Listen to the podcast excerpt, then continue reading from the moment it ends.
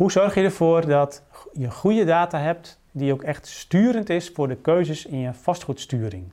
Daarover wil ik het met je hebben in deze aflevering.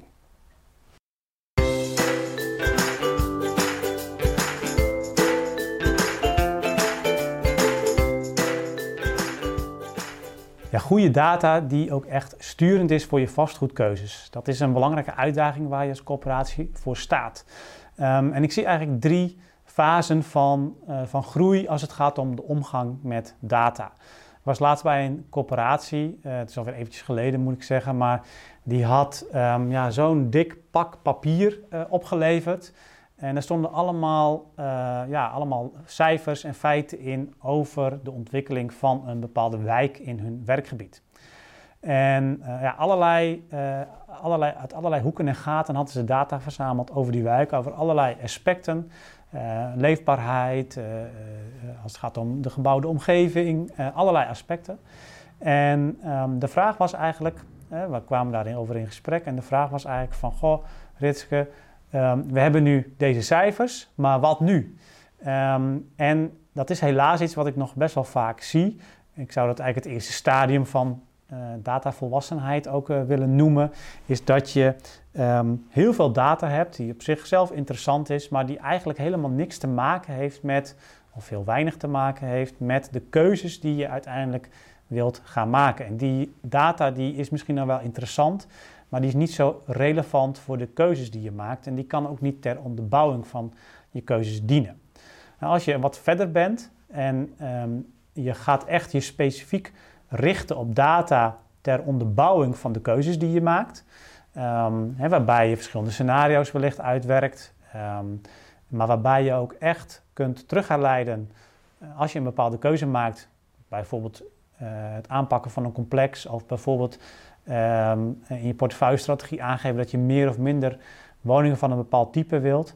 Uh, dat je echt kunt terugherleiden van oké, dat blijkt dus uit die data dat dat ook echt noodzakelijk is en dat dat een goede keuze is. Um, daar ben je al een heel stap verder. Um, dan zul je zien dat je ook veel minder data hoeft te verzamelen. Wel um, veel meer data die ook echt op maat gemaakt is voor de keuzes die jij wilt maken.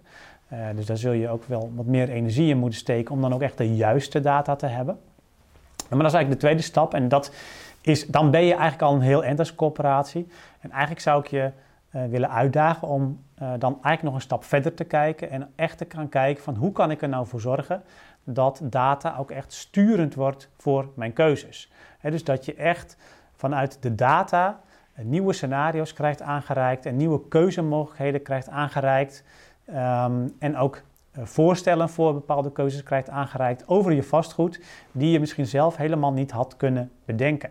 En um, ja, dat is iets wat steeds meer uh, tot de mogelijkheden behoort om dat ook echt te doen. Hè. Dus um, bijvoorbeeld op het gebied van.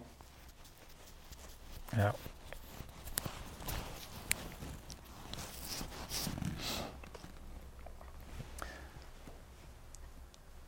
Er zijn steeds meer mogelijkheden om dat ook echt te doen. Dus dat je uh, algoritmes laat bepalen vanuit een hele bak met data waar je bijvoorbeeld de meeste CO2 bespaart als je een bepaald investeringsbedrag ter beschikking hebt voor verduurzamingsmaatregelen. Of waar je misschien wel voor je huurders de meeste euro's bespaart. Of uh, in welke complexen je de huur het beste kunt verhogen zonder dat dat negatieve gevolgen heeft voor de betaalbaarheid van de laagste inkomens. Allemaal dat soort zaken.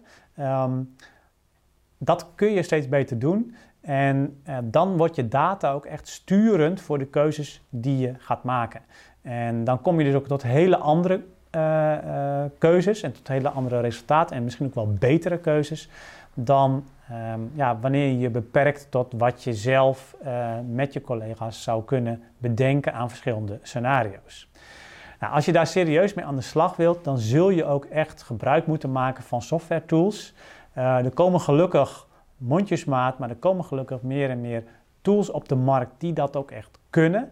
Um, en ik zou dus echt willen oproepen, ook uh, als je misschien wat kleiner bent of je bent een middelgrote corporatie, om echt serieus te gaan kijken van hoe kan ik nu ervoor zorgen dat ik met behulp van software data niet alleen maar, dat data niet alleen maar interessant is rondom het thema van van waar je dan op dat moment met je beleid mee bezig bent.